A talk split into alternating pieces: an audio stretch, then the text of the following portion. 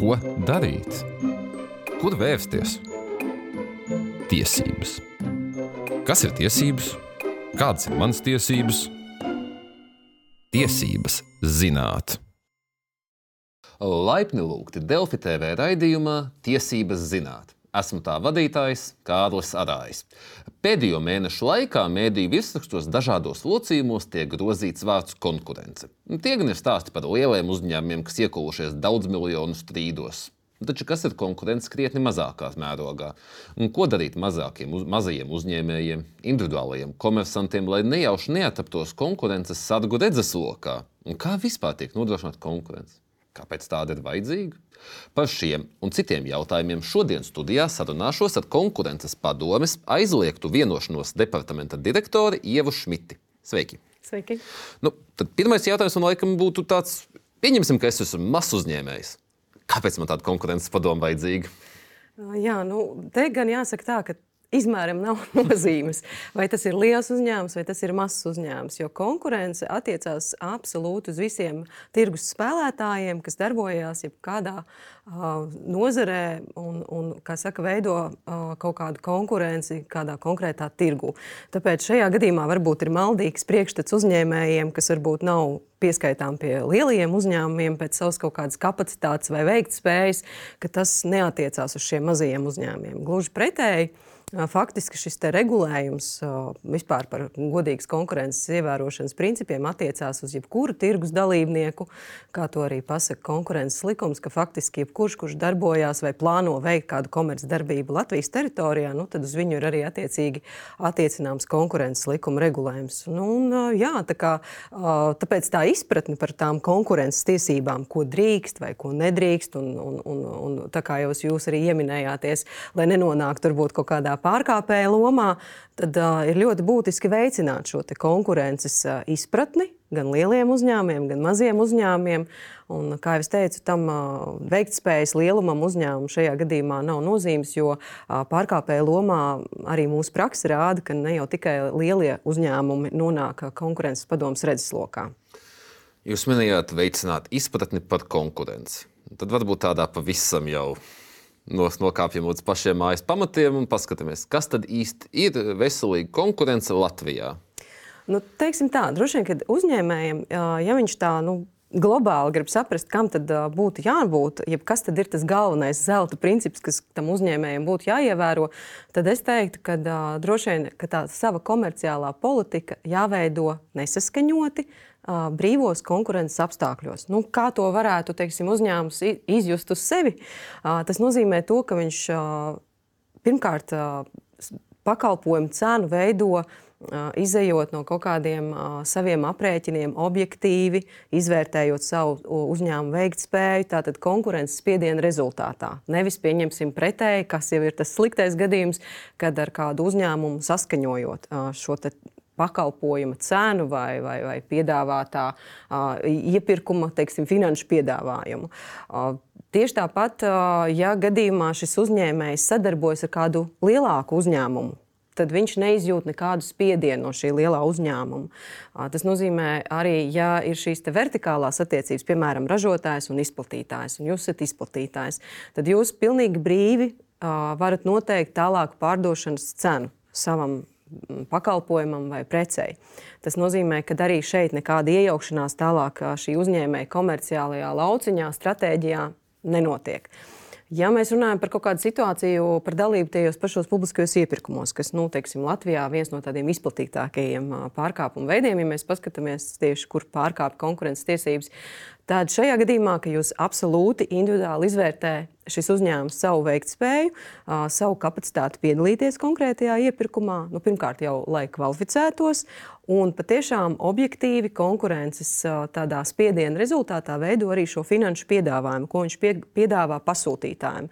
Nevis pretēji, kas jau ir tā sliktā puse, kad notiek vienošanās ar citiem pretendentiem tajā, piemēram, pašā iepirkumā par dalības nosacījumiem, piemēram, nu, kurš būs ieplānotais uzvarētājs šajā gadījumā, vai, vai arī bez patiesas vēlmes tur vispār piedalīties kādā konkrētā mm, pasūtījumā, vienkārši imitējot konkurenci, nodrošināt tā saucamo aizsegu piedāvājumu, lai nu, sanāk šis te, ieplānotā iepriekš sarunātā schēma. Tā kā es domāju, ka to jau uzņēmējs saprot. Ja gadījumā notiek kaut kas, kā rezultātā viņš teiksim, tiek ietekmēts vai nu no kāda cita spēlētāja, vai nu viņš pats ir iesaistījies šajā saspēlē ar citiem konkurentiem, nu, tad droši vien jau ir runa par to, ka kaut kas godprātīgi nenotiek. Tajā situācijā, kur viņš pats lemj un pieņem patstāvīgus nesaskaņotus lēmumus, attiecībā uz savu uzņēmumu, savu komercdarbību. Nu, tur mēs varam runāt droši vien jau par tādiem normāliem konkurences apstākļiem, kā tam arī jābūt. Jūs sakat, sliktais piemērs ir, kad viņi sarunā to, bet nu, tas taču ir brīvais tirgus. Uzņēmēji savā starpā izdomā, nu šoreiz man baigi vajadzētu uzvarēt, nezinu, iepirkumā par puķu piegādi uh, pilsētas bērngārziem, bet nu, nākamreiz uh, tu uzvarēsi kaimiņu pilsētā. Nu, kā, nu, Varam jau skatīties, ka nu, godīgs tirgus, nu, viņi saprot, kāda kuram vajadzības. Kāpēc tas ir slikti tajā saknē? Nu, šis, šis būtu, jā, nu, tas ir tas gadījums, kad. Uh, nu, Jāsaprot, protams, katram uzņēmumam ir kaut kādi savi, savi subjektīvie iemesli. Un, uh, mēs arī visi, piemēram, zinām, ka zakti ir slikti, bet vienalga taču kāds zog. Lai gan saprotu, ka uh, gan tas no morāles ir slikti, gan arī, protams, par to ir kaut kādas nopietnas sankcijas. Nu, šajā gadījumā jau tieši tas pats uh, jāsaprot jau tas, ka vai tiem uzņēmumiem vispār ir izpratne pareizāk, kad šādā veidā notiek pēc būtības arī krāpšana vai zādzība. Nu, tā, ja mēs tā abstrahējamies varbūt no konkurences tiesībām, bet lai vieglāk būtu saprast, teiksim, uzņēmumam. Jo arī šajā brīdī notiek, jo, ja mēs runājam par kaut kādiem šiem iepirkumiem, nu, tad ir visticamāk nu, bieži vien tādi publiskie līdzekļi. Tas nav mūsu teiksim, pašu maciņš, kuru mēs varam varbūt tērēt, nu, kā mums iegribās. Šajā gadījumā nu, vai nu tas ir, kā jūs minējāt, bērnu dārzs vai kāda cita nezinu, pašvaldība vai kapitāla sabiedrība, nu, tas tomēr ir valsts budžeta līdzekļi, kas ir paredzēti arī noteiktā kārtībā, kā šie līdzekļi ir jāapgūst un jātērē. Nu, kā godprātīgam saimniekam, arī šim pasūtītājam. Nu, respektīvi, tādēļ arī tiek rīkot vispār saknē šī kaut kāda iepirkuma procedūra, vai tā būs iepirkums vai, vai cenu aptauja. Tam šajā gadījumā absolūti nav nekādas izšķirošas nozīmes. Galvenais jau tas princips, ka jāsaglabā tā sāncensība, lai šis pasūtītājs iegūst labāko pakalpojumu sniedzēju vai nu, šo produktu vai pakalpojumu par labāko, izdevīgāko arī cenu, kas, nu, protams, ir nu, tapusi normālos, gudprātīgos, teiksim, sīvos konkurences apstākļos. Nevis tādu, kas jau tiek piedāvāta, nu, imitējot konkurenci, saskaņojot savas darbības starp šiem pretendentiem, līdz ar to nu, panākot sev šo vēlamo varbūt, rezultātu, jo tur nenotiek konkurence un pasūtītājs pēc būtības iepērk šo nu, nezinu, produktu vai pakalpojumu jau par cenu, kas ir sarunāta, nevis kas atbilst tādiem normāliem konkurences apstākļiem. Nu, līdz ar to pasūtītājs ir maldināts šajā situācijā, un, protams, kad uh, nenotiek arī godprātīgi šie te, nu, budžets naudas naudas uh, iztērēšanu. Šis var skart arī parasto iedzīvotāju. Ja, piemēram, nu, Paņemsim 1. septembris. Nu, kā sadunājuši visi puķu pārdevēji, tās cenas gandrīz dubulto. Nu, tas nav kaut kāds tad, tur, uh, rožu tirgotāju, ka, neļķu tirgotāju kartels. Vai... Tas izklausītos ļoti romantiski, rožu vai neļķu kartels, bet nu, te jāskatās mazliet ir arī, protams, jānodala tās robežas, kur ir tiešām tāda konkurences, varbūt padomas kompetence un kartels, un kur varbūt ir nu, tāda negodprātīga atsevišķu fizisku personu varbūt rīcība, kas, protams, neatbilst varbūt tādiem godīgiem godīgiem principiem un, un, un piemāna savu klientu vai patērētāju. Jo, ja mēs skatāmies, atgriežamies pie konkurences, vispār padomus kompetences un pie tām aizliegtām vienošanām, ja mēs runājam par tām, šajā gadījumā, tad, kad notiek kaut kāda sarunāšana, tad, tad, protams, mēs skatāmies uz tirgus dalībnieka darbībām. Tātad tas visticamāk ir juridiska persona, kas darbojās Latvijas teritorijā, sniedz kaut kādus komerces pakalpojumus vai taisās sniegt, un ar savām darbībām ir spējīgs ietekmēt konkurenci kādā konkrētā tirgū. Līdz ar to nu, mēs skatāmies uz, uz šis ir tas subjekts, tā, uz ko ir attiecināms šis vienošanās aizliegums.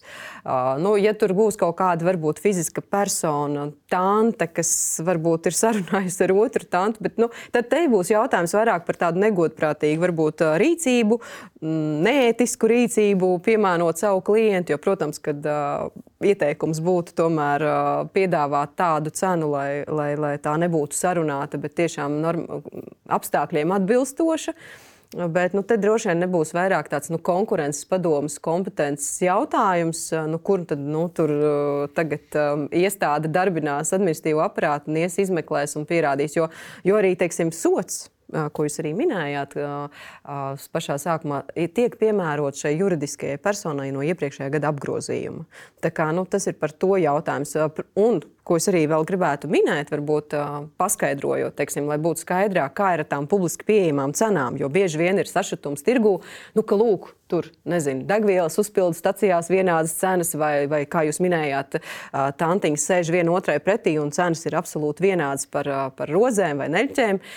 Jāsaka tā, ka tirgū jau nav aizliegts šiem tirgotājiem pielāgot savu cenu un tā konkurences tiesībās saucās tā saucās inteliģentā pielāgošanās, kas ir pieļaujama. Jo, protams, ka arī konkurenti mm, ļoti aktīvi viens otru monitorē un skatās šo te, uh, mazumtirdzniecības cenu, kas ir publiski pieejama. Tā nevienam nav uh, nekāds noslēpums, un līdz ar to viņi šo cenu var pielāgot. Ja vien, protams, nu, tas ir atbilst viņu komerciālajām interesēm un atbilst viņu izmaksām, teiksim, un viņi var atļauties šādu cenu piemērot tieši identisku. Bet tas noteikti nav aizliegts, un tas automātiski arī neliecina, lai kā arī varbūt patērētājiem no malas liktos, ka nu, tur ir sarunāts vai tur ir kartels jo cena ir publiski pieejama un es viņu varu viegli nomainīt. Cits stāsts jau ir par kaut kādām cenas veidošanas komponentēm, kas ir jau aiz borta, kas nav redzams publiski. Un, ja tur kaut kas jau sāk veidoties, teiksim, identiskās pozīcijās, nu, pieņemsim, atkal atgriežoties pie tiem pašiem publiskajiem iepirkumiem, kur veido cenu piedāvājumu, kur ir tāmas, kas iepriekš nevienam nav, ne, nav netiek darīts zināms, jo tas ir komerces noslēpums, ar ko startē piedāvājumā. Un tur, piemēram, diviem pretendentiem šīs cenas sakrīt tā kā aiz komata, jā, tad gan tas ir signāls par to, ka ļoti grūti visticamāk būs viņiem objektīvi izskaidrot, nu, ka tā ir kaut kāda nejauša sakritība. Lūk, tā ir jautājums. Es esmu uzņēmējs, pieņemsim, piedalos iepirkumā, un man ir aizdomas, ka nu, visi tie pārējie ir kaut ko sarunājuši. Nu, varbūt atnāk kāds signāls, ko, ko man darīt, kādus pierādījumus man vākt, un eh, nu, kā es vispār varu sākt mēģināt savas tiesības aizstāvēt un pierādīt, ka nu, tas bērns tās neļķis eh, nu, neizdevīgi iepirka, ka viņus tur bija apmānīja.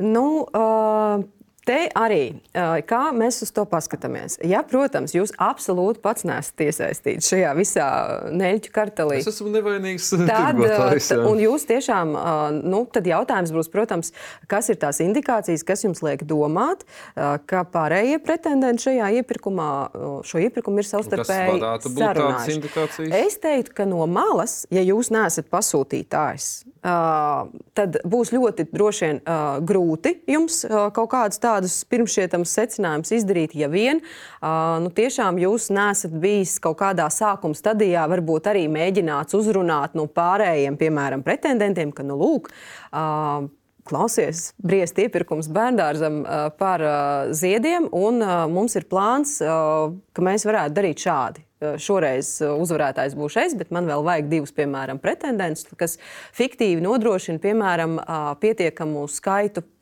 piedāvājumu konkrētajā iepirkumā, lai viņš vispār notiktu. Savukārt nākošajā pašvaldībā tur arī tur, tūlīt pēc mēneša būs iepirkums, startēsim atkal trietā kopā, bet tad uh, iepriekšējais uzvarētājs sarunāsim, ka būs uh, Jānis. Savukārt mēs tikai piespēlēsim šos fiktīvos piedāvājumus.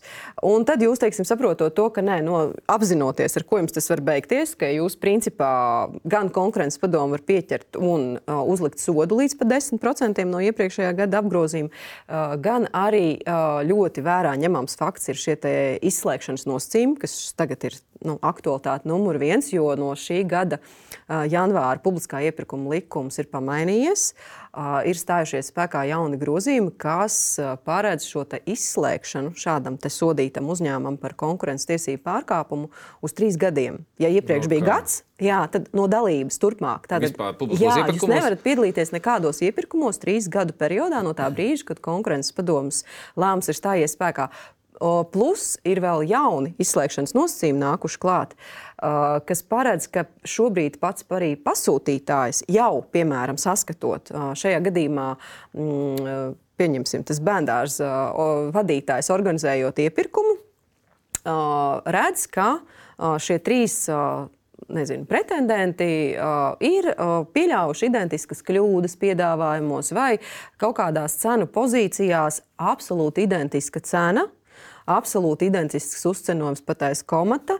Vēl viņš saskata, piemēram, šajos dokumentācijā, ka tur uh, tiek piesaistīti izpildēji vieni un tie paši kaut kādi cilvēki speciālisti, nu, kas nav nekas unikāls, kur tirgu daudz tādu, teiksim, ja, kur nevajadzētu būt tā, ka nu, tas ir kaut kāds, nezinu, optiskie tēmekļi, un tad tur ir viens kaut kāds speciālists.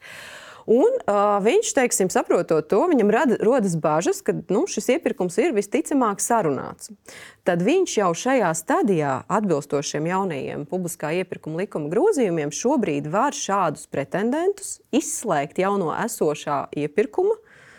Tā kā pasūtītājiem šobrīd ir vēl lielākas tādas nu, diskrēcijas tiesības. Izslēgšana tas uh, Uzņēmums var apstrīdēt kaut kādā veidā, vai tas ir tāds kā minēta baznīcā? Nē, nu, droši vien jau, kad uh, arī izslēgšanas uh, kritērijas var apstrīdēt. Tas gan, uh, kā saka, ir vairāk uh, lauciņš uh, attiecībā uz iepirkuma uzraudzības biroju, un tur noteikti tā praksa vēl tikai veidosies, jo, kā jau minēju, mēs šobrīd esam, kā saka, marta vidū, bet uh, šie izslēgšanas nosacījumi jaunie ir spēkā no janvāra šī mm. gada. Tāpēc tā praksa tikai tāda sāk veidoties, un tur arī tāds nosacījums, ka ja pasūtītājs saskata kaut kaut kādas pazīmes, tad viņš vēršas konkurences padomē un lūdz tā sniegt tādu viedokli, atzinumu. Un konkurences padome tad desmit darbdienu laikā sniedz arī atzinumu šim pasūtītājam. Protams, bez kaut kādas padziļinātas izmeklēšanas, jo skaidrs, ka desmit darbdienās izmeklēšana nevar notikt. Bet nu, mēs varam paskatīties, kas ir tas, ko norāda pasūtītājs. Varbūt kaut kādas minimālas darbības, ieskatoties datu bāzēs izdarām secinājumu un sniedzam savu tādu novērtējumu par to, vai šīs teiksim, saskatītās pasūtītāja pazīmes ir pamatotas. Bet joprojām šis pats lēmums, nu, pieder pašam pasūtītājam. Tur nekāda ietekme arī konkurences padomē. Bet, nu, jebkurā gadījumā šobrīd arī ne tikai ir uh, jāuztraucas par šo sodu, kas ir, nu, protams, uh, milzīgs, ja mēs paskatāmies uh, vispār kāds var būt par konkurences tiesību pārkāpumu. Bet, protams, ka arī šie izslēgšanas kritēriji, jo tad šie uzņēmēji negodprātīgie riskē arī ar to, ka, nu, ka viņi var tikt izslēgti uz ļoti ilgu laiku periodu no šiem vispār no dalības šajā tirgu. Un, ja tas ir viņu pamatdarbības veids, dalī, nu, da, piedalīties šajos visos pasūtījumos, pie, iepirkumos, cenu aptaujās, nu, tad ir bēdīgi. Tad uh, bodīt ir jākalpē ciet, jo nu, faktiski tu uz ļoti ilgu laiku periodu tiec izslēgts vienkārši no tirgus. Vēl viena situācija, par ko es lasīju, tad, ka izspiešana no tirgus. Varbūt varat pastāstīt, kā, ka, nu, ka, piemēram, apkārt man sapērk, es man piedara kaut kādas, nezinu, pārdodas klandraušus. Bijām seši uzņēmumi, kas pārdeva klandraušus, tad atnāca viens bagāts Pēteris un nopirka visus pārējos piecus. Tagad Eh, pat cik lielāks, var atļauties likt zemākas cenas, visu kaut ko. Un, nu, pat sev neizdevīgas cenas mhm. liek, mm -hmm. dempingu taisa. Eh, vai man ir kaut kādas tiesības sev aizstāvēt un teikt, ka es te cenšos godīgi biznesu taisīt, un Pēters ar zaudējumiem man cenšas no sklandvelšu tirgus izspiest? Nu, tas ir tāds tā, koks ar diviem galiem. Tā jūs minētā situācija, tāpēc, ka no vienas puses, jā, es saprotu Pēters sašutumu par to, ka nu, tagad ir atnācis viens spēcīgs tirgus spēlētājs, un tas sapurina varbūt pārējos tirgus dalībniekus, jo viņš ir nu, pilnīgi ar lielu kapacitāti un ir spējīgs teiksim, šīs cenas arī nolaist zemākas, un attiecīgi nu, patērētājiem tās šķiet pievilcīgākas. Konkurences padomu vienmēr iestājās noteikti nes, nu, teiksim, neprotekcionē kaut kādus noteiktus uzņēmumus. Nu, lai viņiem obligāti jādarbojas. Nē, viņiem jādarbojas normālos brīvos tirgus apstākļos, un katram uzņēmējam tāpēc ir jāvairo sava konkurētspēja, un katra uzņēmuma arī teiksim, sapnis ir kļūt tādam lielākam, varošākam, ar lielāku kapacitāti. Tas ir tas, uz ko tas uzņēmējs vispār iet. Noteikti nav tā, ka konkurences padomu tā kā tāds arbitrs iet pa priekšu un saka, nē, jūs jau tā kā pārāk liels, jums tagad vajadzētu piebremzēt, lai tie mazie tur var uh, kaut kā saprast. Ja izspiedīs, būs monopols. Jā, uh, tāpēc te ir jautājums par to, vai tiešām tam lielajam pieder šis, te, kā jūs sakat, monopols, jeb uh, konkurences likumā, tas būtu šis dominējošais stāvoklis, jo tas vispār ir visa sakne izpētēji. Tad, kad mēs runājam par pārkāpuma veidu, kas ir šis dominējošā stāvokļa ļaunprātīgas izmantošanas gadījumi, vai konkrētais tirgus dalībnieks konkrētajā tirgu ir patiešām dominējošs. Jo tas nozīmē to vienkāršiem vārdiem, ka viņam pieder tāda tirgus vara, ka viņš pietiekoši ilgu laiku spēj darboties vispār neatkarīgi no piegādātājiem, patērētājiem. Viņš faktiski ir kaut kāds viens unikāls, neaizvietojams, nav cita alternatīva tirgu un tā tālāk. Agrāk vēl pie šī definīcijas tika pieskaitīta tirgus daļa, kas bija vismaz 40% un uz augšu. Šobrīd tas tirgus daļas kritērijs sen ir izņemts, bet nu, joprojām šī definīcija ietver šo milzīgo tirgus varu. Uh, jo, kā jau jūs minējāt, varbūt arī no malas var likties, ka viņš ir liels spēlētājs, nu viņš mums tagad, bet te ir tiešām uh, vesela izpēte, jo varbūt viņš ir, nu, nezinu, piemēram, uh, salduma ražotājs Laima. Jā, liktos, nu, viņš ir viens liels, milzīgs spēlētājs. Jā, bet varbūt tā dominance, tiešām, kur viņš nav aizvietojams, kur viņš ir unikāls, ir tikai nezinu, vafeļu ražošanas tirgū. Nu, Tāda ir tā doma. Un tāpēc katrā lietā, kad runa iet par dominējošo stāvokli, primāri svarīgākais ir saprast patiešām objektīvi, vai tajā konkrēti sklandraušu ražošanas tirgū viņš ir tiešām tas vienīgais unikālais, vai tomēr ir alternatīvas, kur patērētājs un, un klienti un citi teiksim, uzņēmēji var pārslēgties un ir alternatīvas tirgu. Tad viņš nav unikāls un nav viņš dominējošs, un tad arī uz viņu nav attiecināmi šie īpašie uzvedības nosacījumi. To, ko jūs minējāt, tad, kad ir šis dominējošais stāvoklis, ir tiešām viņš ir nu, neatkarīgi ne no kā. Jums tas ir vienkārši vienīgais iespējamais avots, teiksim, kā iegādāties nezinu, ūdeni. Piemēram.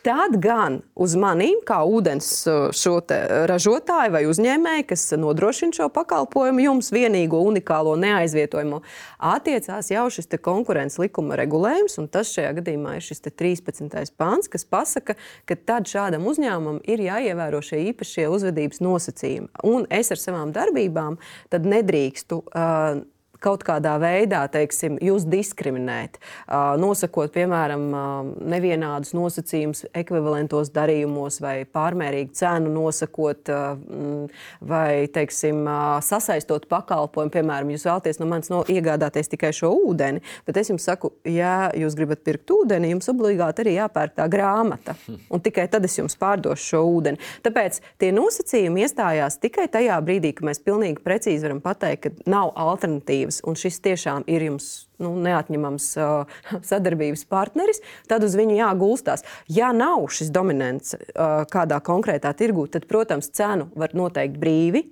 Uh, ir brīvi tirgus apstākļi, un pat ja tam uzņēmums var atļauties, viņš var arī dempingot. Ja vien viņš tiešām nav dominējošā mm. stāvoklī kādā konkrētā tirgu, tad, protams, viņš ar šīm darbībām tiešām, kā jūs sakat, uh, rada kaut kādas. Um, nepreizes konkurences apstākļus un izspiest var kādus kropļot tirgu. Jā.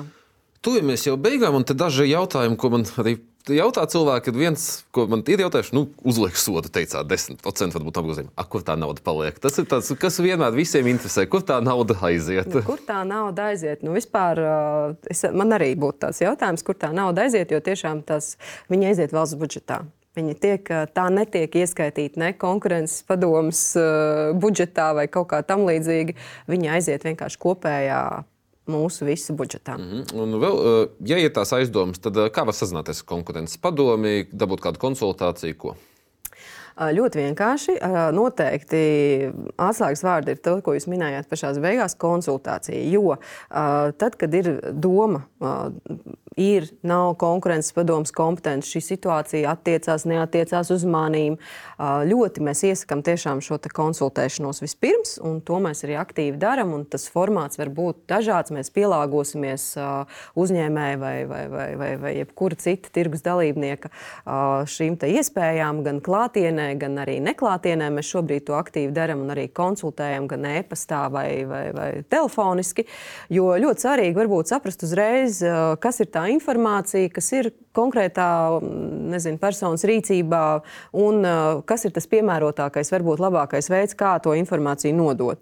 Jo skaidrs, ka standarts gadījums, nu, kad izrunā pirms tam, jā, saprot, tiešām tā ir konkurences padomas kompetence un uh, ir pamats vērsties, nu, tad ir iesniegums. Iesniegums ir absolūti brīvā formātā. Tur tiek izklāstīti vienkārši tie fakti, kas ir, kas ir rīcībā konkrētās personas. Un, protams, vēlams, ka nu, detalizēti tā informācija tiek sniegta par tiem faktiskiem apstākļiem, kas uztrauc, kas rada pamatots aizdoms, ka tur kaut kas nav labi. Un arī, protams, ja ir ko pievienot, piemēram, jau kaut kāda saraksta, kas izraisīja šīs secinājumus par to, ka teiksim, tur kaut kas tāds - vienalga, varbūt WhatsApp screenshots, varbūt e-pasts un tā tālāk, vai līgums, vai, vai kaut kas, kas apliecina to jūsu teikto tajā iesniegumā. Vēl, protams, opcija ir arī ziņot anonīmi. Jo daudzreiz ir tā, ka sevišķi tā kā jūs minējāt, arī varbūt mazie uzņēmumi, kas sadarbojās, un tie ir kaut kādi lielie sadarbības partneri, un viņam ir bailes, ka viņš tad vispār tiks izspiests, un ar viņu neviens nesadarbosies, un nevēlas atklāt to savu identitāti, bet nu, arī saprot, ka īsti nav normāli darbotos tādos nepiemērotos konkurences apstākļos, tad opcija, protams, ir ziņot arī konkurences padomē anonīmi. Jo ir iespēja gan mājaslapā, ir tāda tip-off sistēma, gan arī, protams, atnākot uz iestādi ziņojot mēs varam vienoties, ka tā identitāte netiks atklāta. Mm -hmm. Nu, tad varbūt tad vienā teikumā, divos pateikt tā galvenā atziņa zelta padomu skatītājiem, klausītājiem, bet nu, tiešām vienā, divos teikumos. Tā. Nu, tas zelta padoms, lai tiešām nenonāktu konkurences padomus redzes lokā, būtu patiešām veidot savu šo komerciālo politiku absolūti neatkarīgi. Savukārt, ja gadījumā uzņēmējs ir ieķēpājies aizliegtā vienošanā, tad noteikti izmantot uh, iecietības programmu, kas absolūti uh, nes uh, divējādus labumus šim uzņēmumam. Gan ir iespēja atbrīvot no naudas soda, uh, gan nebūs šis liegums piedalīties publiskajos iepirkumos. Tā kā nu, izvērtēt šo iespēju, un, protams, tas pats galvenais, jebkuram mazam vai lielam uzņēmējam, veicināt savā uzņēmumā šo izpratni par konkurences tiesībām. Varbūt veicināt ne tikai to, kas ir aizliegts, bet arī uh, veicināt šo izpratni, kādi ir iegūmi no konkurences. Jo noteikti iegūmi ir. Uh, Daudz un dažādi, ja tā konkurence patiešām ir. Un teikšu jums paldies par sarunu. Un, eh, dārgie skatītāji un klausītāji, ar jums tiksimies jau pēc divām nedēļām. Un atcerieties, mums visiem ir tiesības zināt savas tiesības. Atā! thank you